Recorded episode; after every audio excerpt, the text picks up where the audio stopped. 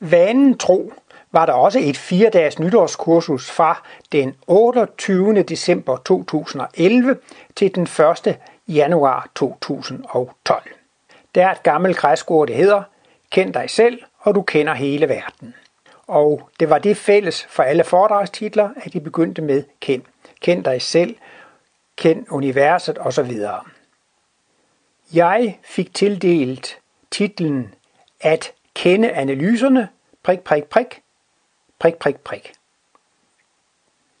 Det er jo tit meget svært at finde en passende foredragstitel. Martinus gav engang et godt råd. Han sagde, jamen øh, man kunne jo prøve at bladre i livets bog og se på stykkeoverskrifterne.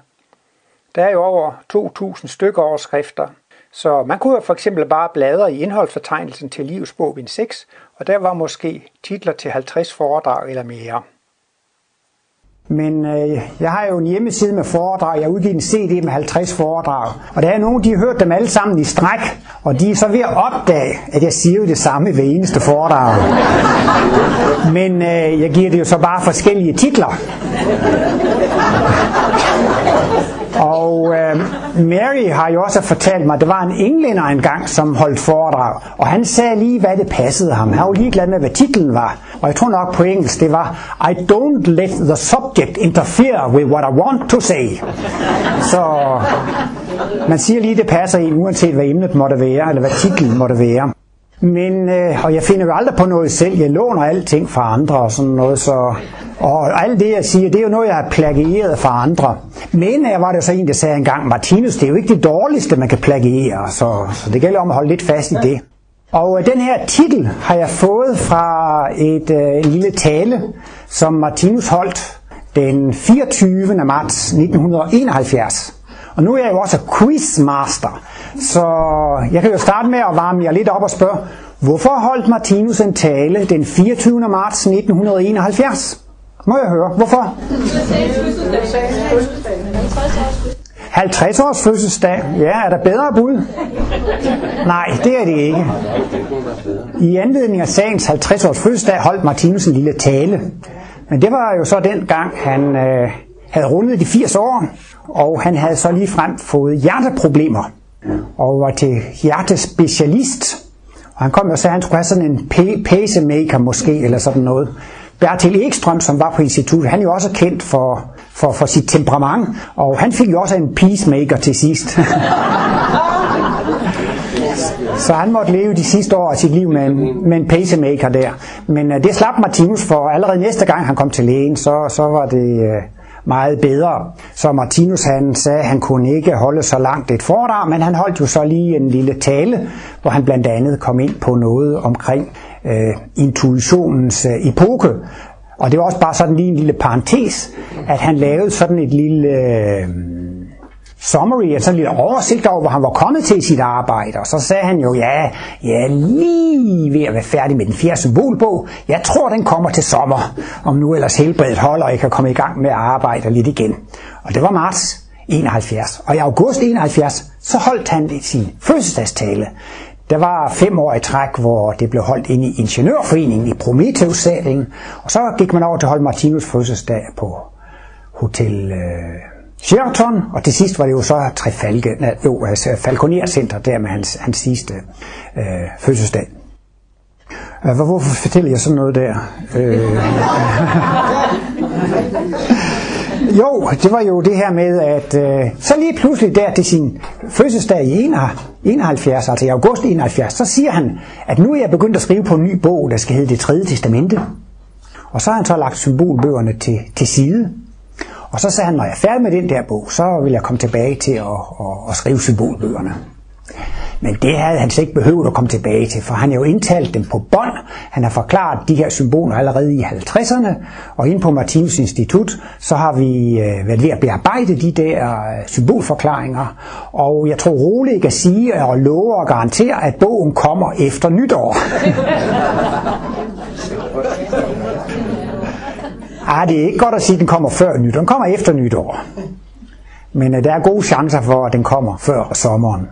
Nej, det er jo ligesom med TV2, de har også altid sådan nogle reklameindslag der. Se, jeg skulle jo altså forklare, hvordan jeg har fået min titel fra at kende de kosmiske analyser. Og øh, i dette foredrag er der nogle ord, som jeg har hæftet mig meget ved.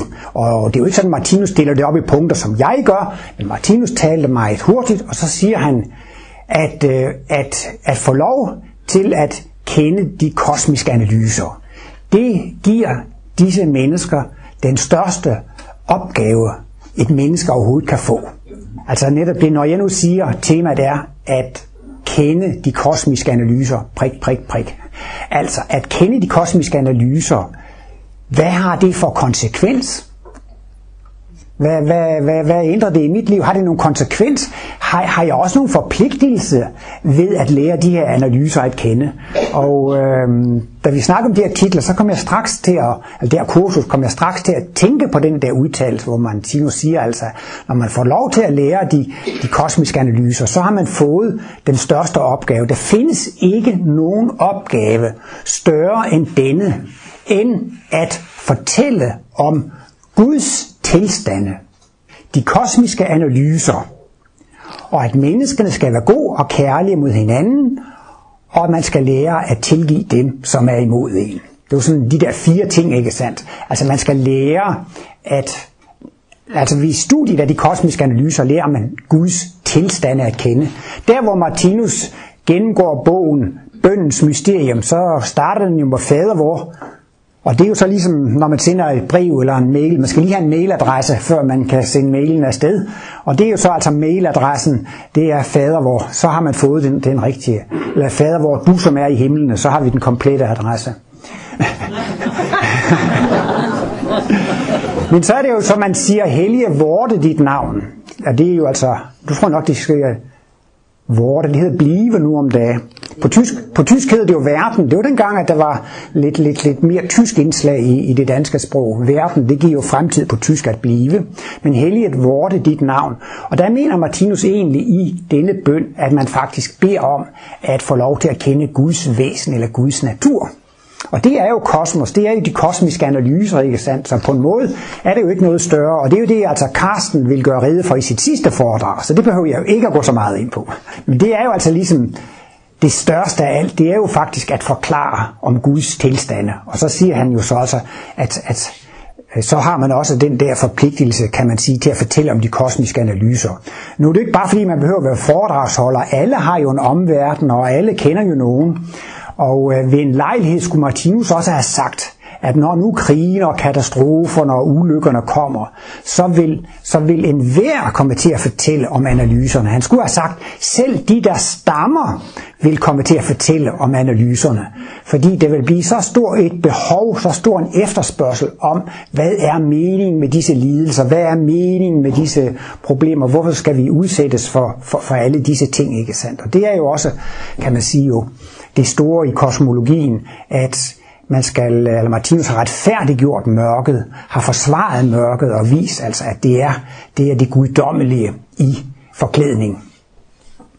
Og øh, der er også et andet Martinus foredrag, som har inspireret mig meget, og det var den tale, han holdt, da han var 85 år. Altså hans 85 års fødselsdag. Og øh, det er så blevet øh, publiceret i Kosmos under titlen øh, Kristus-epoken og Moses-epoken. Og øh, i slutningen af, af det foredrag, det må så altså være fra august 75, ja, der kommer han øh, ind på, øh, hvem øh, bliver de første mennesker her på jorden, som får kosmiske glimt og kosmisk bevidsthed. Ja, siger han straks, så må vi jo dele menneskene op i forskellige karma- eller skæbneforhold. Og der er altså tre store grupper, ifølge Martinus. Og så siger han, ja, den første gruppe, det er de mennesker, som stadigvæk har en grov karma foran sig. Og vi ser jo også, at øh, der er så mange grusomheder ude i verden. Der er jo altså mange steder, at der er krig, og mor og selvmordsbomber og massakre, og der er jo virkelig mange, som får en meget hård og en grov karma. Mange bliver tortureret og pint og plaget, før de bliver slået ihjel. Og det er jo så det, altså Martinus kalder for grov karma. Men øh, man får jo ikke flere lidelser, end det er nødvendigt, for at man kan lære at handle på en anden måde. Martinus siger, ja, man kan jo nok sige, at menneskene i dag er, er grusomme og forfærdelige, de dræber og slår ihjel. Men det var alligevel værre førhen der var det jo næsten en sport at slå mennesker ihjel. Der i vikingetiden, så kom man jo til helvede. Hvis man døde af alderdom på sengehalmen, så gik man til Helheim. Men hvis man var stor kriger, så kom man til vikingernes paradis, som jo så altså var Valhall. Og de havde nogle paradisforestillinger. Så kunne man dræbe med svær og blive slået ihjel der i Valhall, og så kunne man stå op igen og, og, og, og fortsætte kampen. Jeg har ikke læst men jeg har hørt en, jeg tror det er Røde Orm eller så videre, der er en viking, som kommer ridende, og så lige pludselig så hugger han hovedet af en anden. Så spørger han, sig mig en gang, hvorfor hugger du hovedet af ham? Jo, han stod godt for hug så det svarer jo lidt til det, Martinus siger. Altså, tidligere var det jo næsten lidt sport. Og for slet ikke at sige, altså, nutidens sportskampe er jo til stor grad jo også udsprunget måske af de her gladiatorkamper, man så i Forum Romanum, hvor det altså faktisk var sport at se, hvem der overlevede i en kamp om liv og død, ikke sandt, der i arenaen. Så, så Martinus siger, at i dag er der jo sådan set kun krige, fordi mennesken ikke kan se en anden udvej, en anden løsning. Altså hvis nu der er noget med Hitler, eller Milosevic, eller Gaddafi, eller hvad så, så føler man ligesom, der er næsten ingen anden øh, udvej. Men altså, så længe man stadigvæk godt kan dræbe for religionen, for sit lands skyld osv., så, så er man altså stadigvæk kandidat til noget grov karma. Så har Martinus en anden kategori, og det er mennesker, som måske nok er blevet fredelige. De vil ikke sådan i, i krig og så videre. Men det kan alligevel godt være, altså, at, at de er kødspisere, ikke sandt? Altså, at de, de er med til at øh, slå dyr ihjel, og som han siger, de betjener sig også af den narkotisk animalske ernæringskilde. Og det animalske, det er jo altså det kød, og den narkotiske, det er jo det her med tobakken og alkoholen, hvis ikke direkte, at det er narkotiske stoffer, ikke sandt? Så alt det der, det giver jo også konsekvenser det er jo også, dels øh, er det jo dyr, der bliver slået ihjel, og dels er der mange af ens egne mikroindivider, der, øh, der bliver slået ihjel. Så på den måde, øh, så, så giver det altså også en, kan man sige, en, en, en ret alvorlig karma, at, at man, man, man, man gør det. Martinus brugte i hvert fald den der vending med, at hvis man ville beskyttes mod ulykker, så skulle man blive vegetar. Dyrene, de oplever det at blive slagtet som en ulykke. Menneskene er ikke vrede på dem, de, de, de, de, de tænker ikke på det, og landmanden er jo sådan set glad for sine dyr og så videre, men, men de går alligevel på, på, på slagteriet. Og øh, dyrene, som bliver slagtet, de oplever det nærmest som en ulykke, der kommer over dem. Fordi Martinus siger, at det her med karmaen, det er princippet i handlingen, man kommer til at opleve, og ikke selve handlingen, ikke? For I kan godt se, det er jo lidt svært at forklare. Nu sidder man på en fin restaurant med kniv og gaffel og spiser en fin bøf, ikke sandt? Og så sætter man sig ud i sin bil, og så får man en anden bil i nakken og, og, og dør af det. Jamen hvad har det med hinanden at gøre? At nu sad jeg lige så fint at spise på en restaurant, og så får man en bil i nakken, ikke sandt? Altså, men der er det, Martinus siger, jamen det er altså princippet i det, at, at så er man ikke selv beskyttet mod en ulykke, når man ikke beskytter de andre mod en ulykke. Nu ved jeg godt, det lyder lidt brysk, det der med at sige, at så får man en bil i nakken. Og det tillod jeg mig at sige i en spørgetime på et forårskursus heroppe for en 10-12 år siden.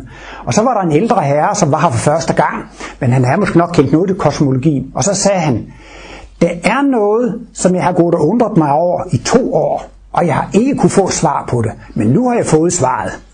Og øh, det var altså, at jo, han var jo så, det var første gang måske i sit liv, han blev nødt til at spise vegetarisk mad en hel uge, fordi der blev serveret vegetarisk mad her på, på terrassen, men det var sådan set udmærket og, og, og, og ok. Men han havde faktisk haft en ulykke. Jeg tror, han skulle lave sådan et venstre sving, hvor han kører ind i, i midten af vejen og holder stille for at kan dreje til venstre. Han skulle lige holde tilbage for den der modgående trafik. Og så kom der rent faktisk en bil og kørte op bag i ham. Og han slog hovedet ret voldsomt, og brillerne gik i stykker, og vinduerne gik i stykker. Og, og det var sådan alligevel lidt traumatisk, den der metallyd, og det der hårde knald, og han slog hovedet og så videre. Og så havde han så gået og undret sig over det i en to-tre år.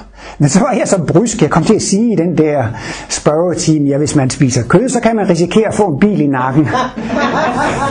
og så rakte han selv fingeren op i spørgetiden og sagde, nå, jamen nu havde han fået en forklaring på det. Og sådan er det måske også, hvis man går og grubler over en ting og søger efter et svar, så ender det måske med, at øh, det kommer i, i den sidste ende. Men det er jo altså ikke for at, at, at kritisere folk, og Martinus var meget forsigtig med det, og jeg har fundet et, et skriftsted i en af, af de små bøger, hvor Martinus siger, man har tit hørt alt, hvad han siger, men det står i en af småbøgerne, at Martinus siger, at han øh, foretrækker da at være sammen med en glad kødspiser, sammen med, med, med en sur, fanatisk vegetar, ikke sandt? Så, og det er jo også ligesom Martinus siger, jamen altså, en læge bliver jo normalt ikke vred på en patient, om han ryger. Ja, nu ved jeg godt, at vi har fået en ny rygepolitik, men altså, det er jo ligesom, at man bliver jo ikke vred og forbitret på et menneske, fordi de drikker øl eller ryger. Det må de selv om.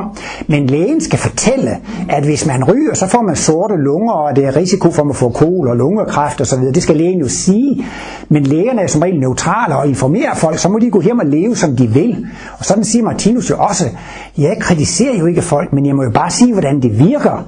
Og der har Martinus også den her vending med, at han siger, Ja, jeg har måske nok sagt de slemme ting og skrevet de slemme ting, men jeg husker jo altid chokoladeovertrækket. Fordi hvem kan gøre ved det? Hvem kan gøre... Altså folk, alle, vi gør det alle sammen så godt vi kan. Ingen kan handle over sit udviklingstrin.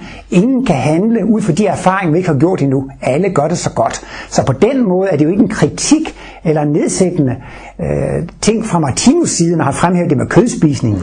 Men i henhold til hans mission, så er han jo nødt til at gøre opmærksom på, hvad konsekvenserne af det er.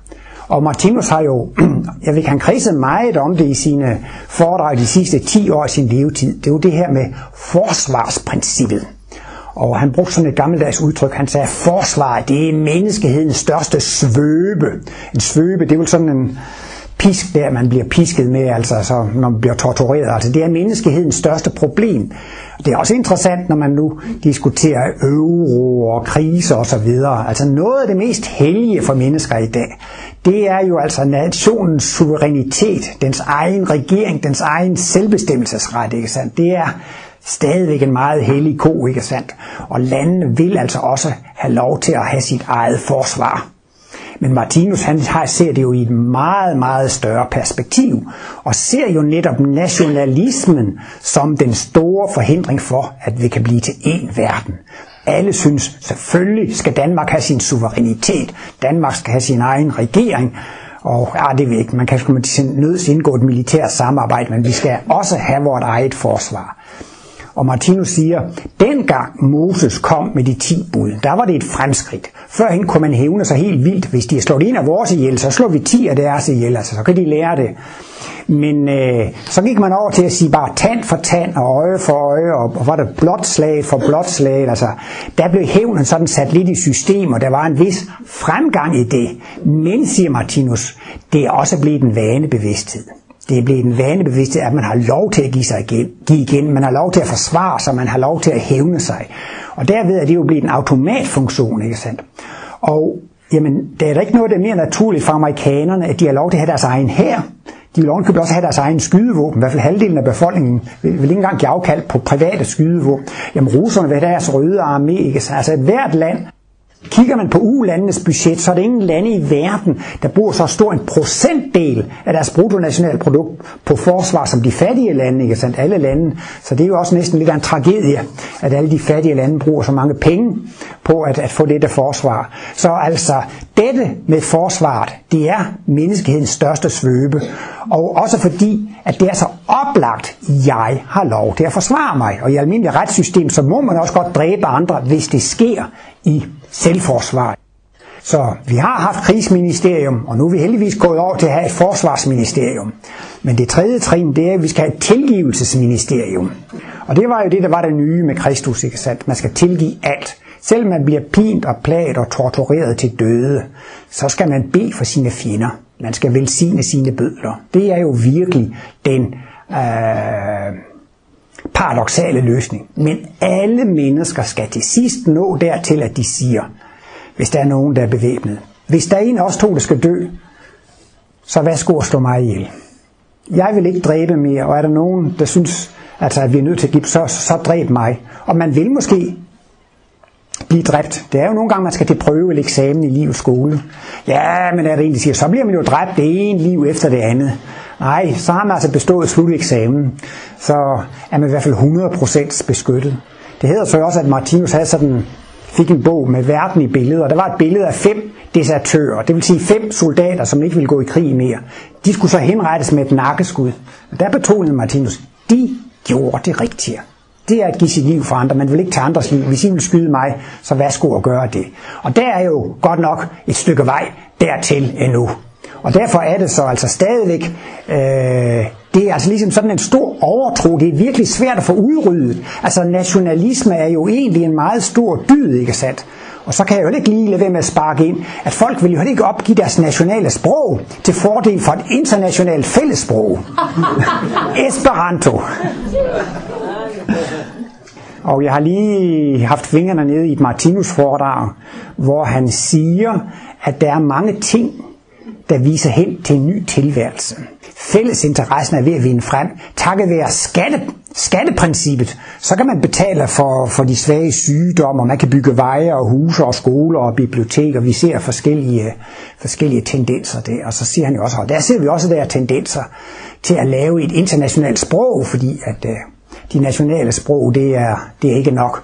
Og der siger han jo så, at Esperanto, det er jo bygget efter de guddommelige principper, og det er enkelt, og det er let at lære. Det vil komme til at spille en stor rolle i fremtiden. Det har måske ikke noget med aftens tema at gøre, men det var noget, jeg havde lyst til at sige. Men nu kommer vi måske til noget, der har en anelse med temaet at gøre. Og det er jo det her med at, øh, at kende de kosmiske analyser. For Martinus han stillede selv det spørgsmål, hvem bliver de første til at opleve de kosmiske glimt? Jo, så var det, han delte menneskeheden ind i tre store grupper. Og den første gruppe, det var dem med grovkarmaen og krigen. Men de mennesker, som også betjente sig af den narkotisk animalske ernæringskilde, jeg tror det er for øvrigt et udtryk for den ideelle føde, de kunne også få en meget streng skæbne.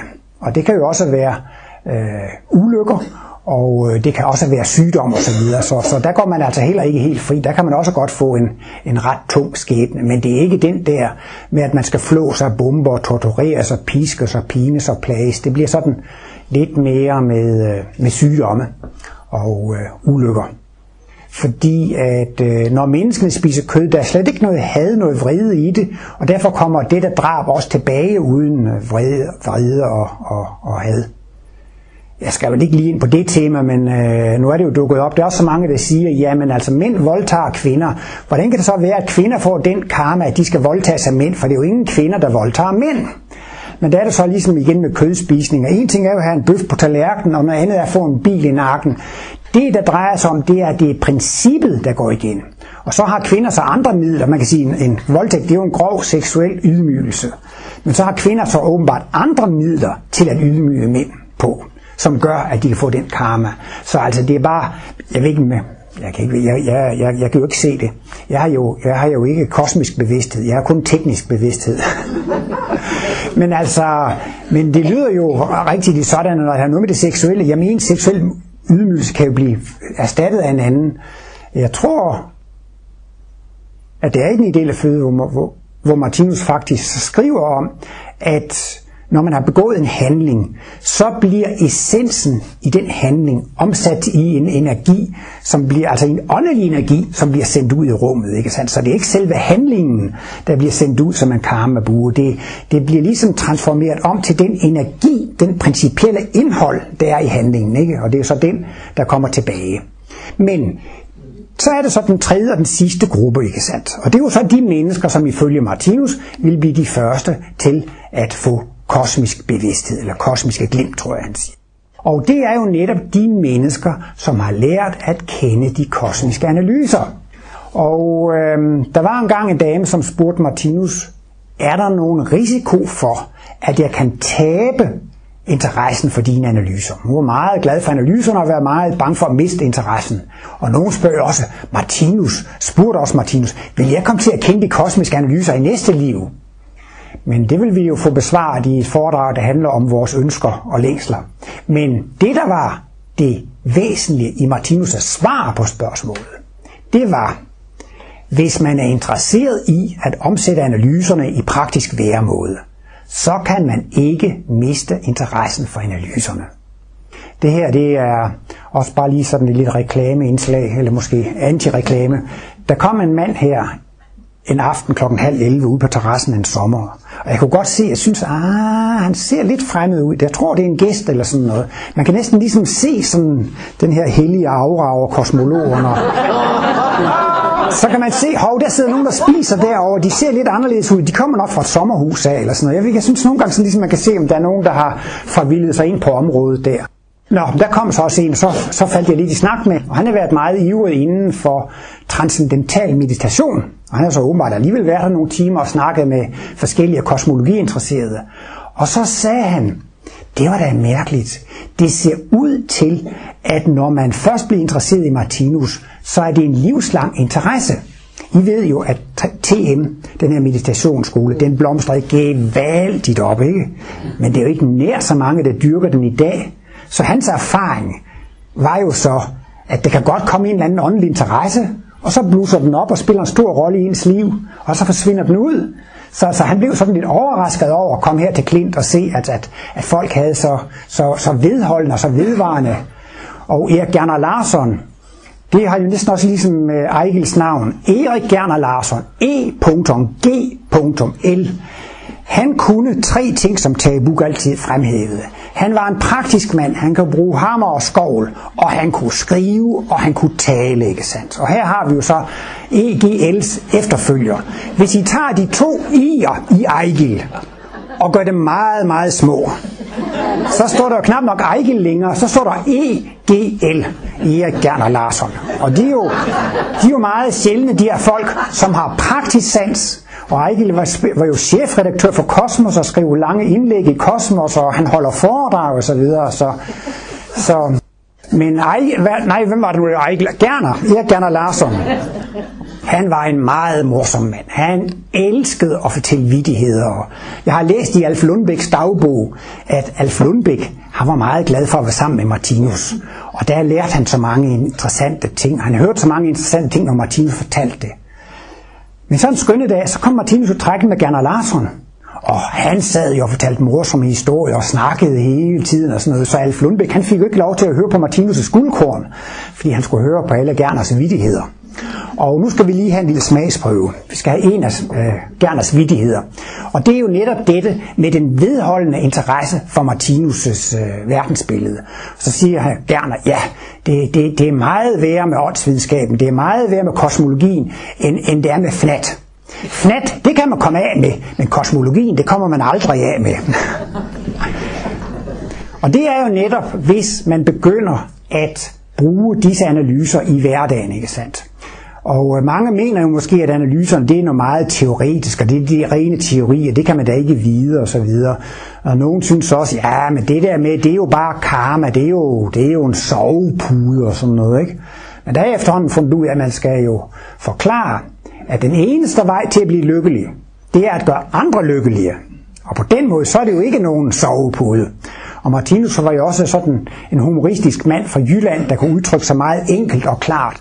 Og ved en lejlighed sagde Martinus, min mission er at vise, at det betaler sig at være god. Og er man en god jyde, så gør man kun ting, der betaler sig. Og derfor kan jeg jo godt se, at det er jo helt fabelagtigt, hvis man på logisk videnskabelig vis kan vise, at det betaler sig at være god. Så er det altså virkelig noget, der vil forandre denne verden og der har også været en op i Stockholm, som har skrevet en brochure om Martinus. Et verdensbillede, som kan forandre verden. Og det er jo altså også... Så altså det anvendte aspekt, og jeg synes, det er interessant, at denne interesse for analyserne står og falder med, om man er interesseret i at leve efter analyserne. Jeg ved ikke, I kan forestille jer, at man går ind på universitetet, og nu læser jeg filosofi. Når så Heidegger, han mener det, og øh, Leibniz mener det, og Descartes mener det og det, og her den filosof Nietzsche mener det og det, og man kan læse en masse forskellige idéer. Men hvor stor indflydelse på det for ens privatliv? Formentlig ikke ret meget. Og hvor lang tid bliver man ved med at være interesseret i, i Nietzsche og Descartes osv.? Måske ikke så lang tid endda. Altså fordi det er sådan mere en teoretisk, en intellektuel interesse, ikke sandt? Men når man begynder at blive interesseret i at bruge analyserne i sit private liv, jamen så bliver det jo noget, man virkelig er meget interesseret i, ikke sandt? Og det er jo på en måde jo den dybeste mening med Martinus arbejde eller Martinus mission. Det er jo at inspirere menneskene til at praktisere analyserne. Og øh, jamen altså, nu nævnte jeg lige før det der med den narkotiske animalske ernæringskilde. Ja, ja jeg er jo ikke selv sådan nogen hilseapostel og, og så videre. Jeg er jo lige ved at dø for et par år siden af en sprængt blindtarm og buebetændelse og alt sådan noget. Så I, I skal ikke gøre, som jeg gør, men I skal gøre, som jeg siger.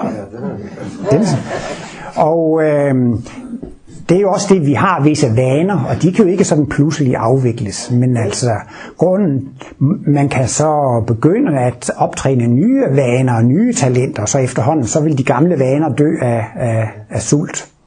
Øhm, man kan få en inspiration til at, at komme ud af det. Det er også en af mine egne dårlige vidtigheder nede fra campingpladsen.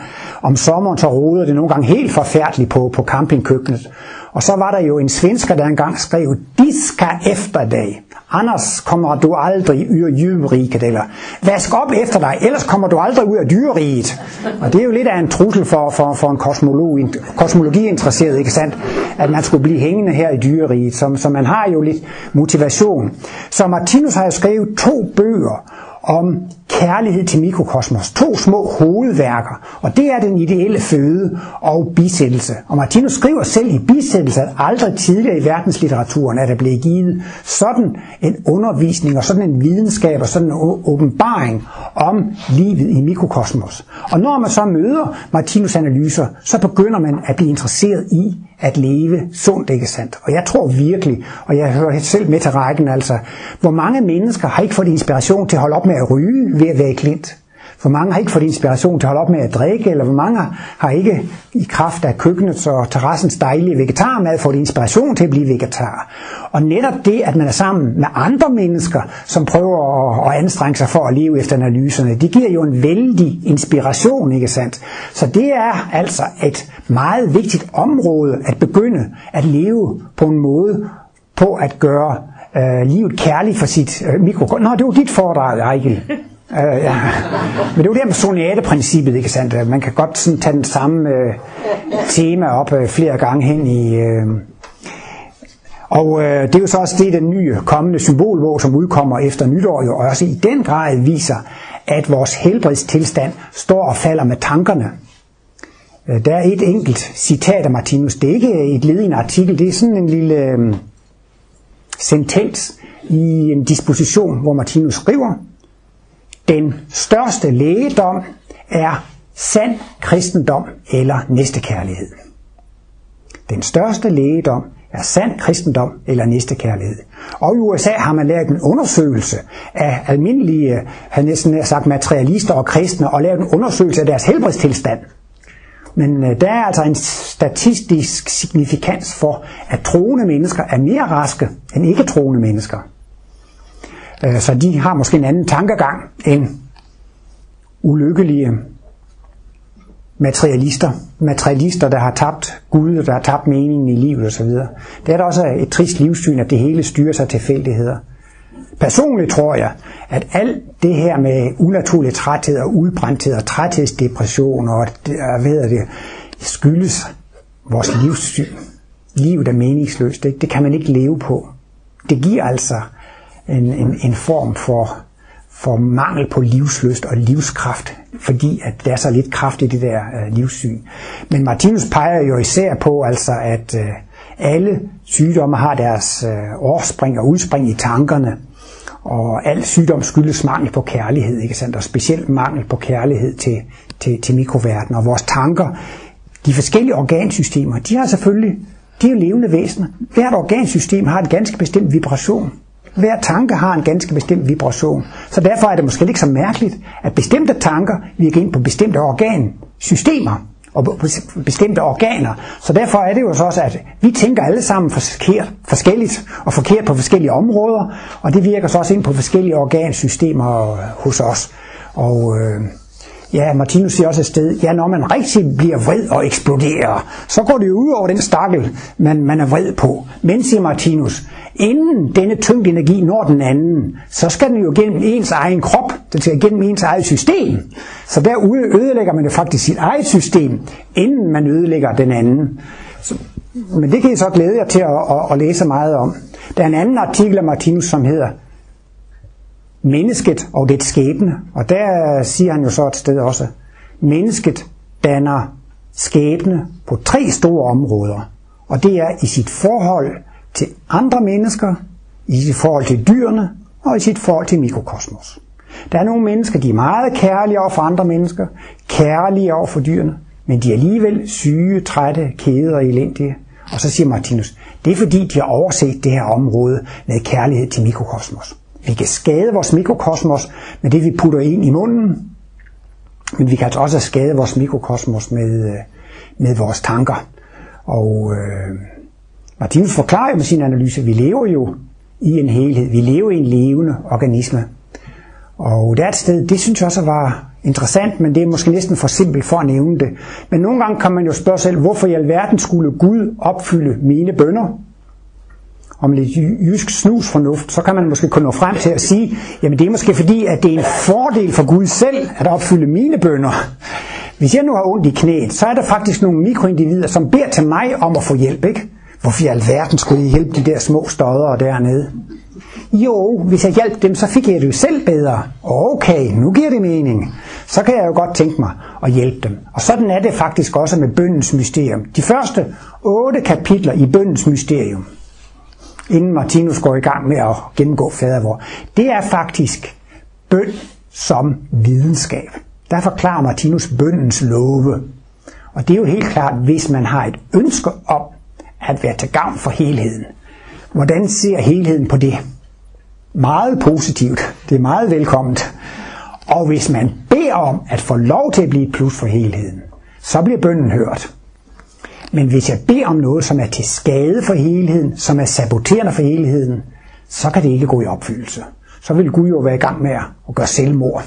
Eller så vil det levende univers jo være i gang med at begå et selvmord, ikke sandt? Så derfor er bøndens lov urokkelig sådan, at ønsker man noget, som er til skade for helheden. Jeg synes, det er nemt at forstå, når det drejer sig om forurening. Hvis man forurener sine omgivelser, så kommer man selv til at leve i forurenede omgivelser. Det er da logisk, ikke? Så derfor er det dumt at forurene omgivelserne. Ja, men hvis vi gør andre mennesker kede af det, ja, så bliver vi også selv nødt til at leve i en trist verden, ikke sandt? Så det er jo sådan set også logik. Øh, så Martinus for at sådan gå helt tilbage til begyndelsen, så var det jo Martinus sagde, at man kan ikke få nogen større opgave, end at fortælle om Guds tilstande og de kosmiske analyser, og at man skal være god og kærlig mod alle levende væsener, ikke sandt? Og det er jo også alle loves fylde og livs mening, ikke sandt? Det er jo at komme til at leve i, i harmoni med andre, komme til at leve i en lykkelig verden. Og det forklarer Martinus også, at vejen til lykken, det er at gøre andre lykkelige. Og så slutter han også af med at sige, altså fortæller, fortæller om Guds tilstande, de kosmiske analyser, at man skal elske de andre, og at ingen kan lide uret, og ingen kan gøre uret. Og det synes jeg, på en måde er skæbneloven den simpleste af alle love, at man skal høste det, man sår. Så man Ru, så høster man ru, og så man hvide, høster man hvide. Altså, det er jo klart. Eller i fysikken, så hedder det Newtons tredje lov, aktion er lige med reaktion. Det, man sender ud, det kommer tilbage. Det er sådan relativt nemt at forstå, men i praktikken er det noget af det sværeste at forstå. Hver gang man bliver irriteret over et andet menneske, så har man glemt karmaloven. Hver gang man kritiserer og sur på andre, så har man ikke forstået, at det er noget, man selv har sendt ud. Man skulle straks sige, goddag kollega, vi er i samme båd. Jeg har været lige så irriterende som dig. jeg har været lige så styg som dig, og lige så ond som dig. Nej, man, kan jo ikke, man skal nok ikke sige det højt, men ja, stykke krumpen. Ja, det var jo fristende at sige lidt om Ludvig og, og julemanden. Men øh, der har været måske en million danskere, der har set den der kalender. Ju, Ludvig og julemanden. Det skulle du aldrig have sagt. Nej, du har hørt om det, men nu slipper du ikke. Jamen, jeg rejser nogle gange rundt og holder foredrag for 20 mennesker i Jylland og snakker om døden og livet efter døden og sådan noget. Ikke? Det er jo forfærdeligt arbejde at rejse fra by til by, ikke sandt? Og så kommer der 20 mennesker. Her er det simpelthen en hel million, som kommer og ser om livet efter døden, og hvordan man så ud for 500 år siden, og hvordan man materialiserer og dematerialiserer, og hvordan man får spøgelser ud af mellemtilstanden og videre i de åndelige verdener, og hvordan heligånden materialiserer sig og taler til menneskene, og hvordan Bøvlum Kloster bliver dematerialiseret osv. Det batter jo nu mere end 1000 eller 10.000 Martinus foredrag. Så det har været meget interessant at se denne vældige øh, kosmiske impuls, der er gået ind over, over, over Danmark. I don't let the subject interfere with what I want to say. Men øh, jeg er meget tæt på en afslutning nu i hvert fald. Øh, for det var jo så det sidste, jeg bare lige vil sige. Det er jo det der med, at det nemmeste i teorien er at forstå skæbner og karmalov, men det er så svært på det personlige niveau at se, at alt det ubehag, alt det, det er altså et spejlbillede af en selv. Det er ens kollega, man møder, når man møder alt det. Men pointen og den store kunst, det er jo at se Gud i alting, og se, at det er, det er Gud, der taler til en, og blive glad og taknemmelig over for alt det, man oplever. Og det er også noget af det, der er pointen i den her bog.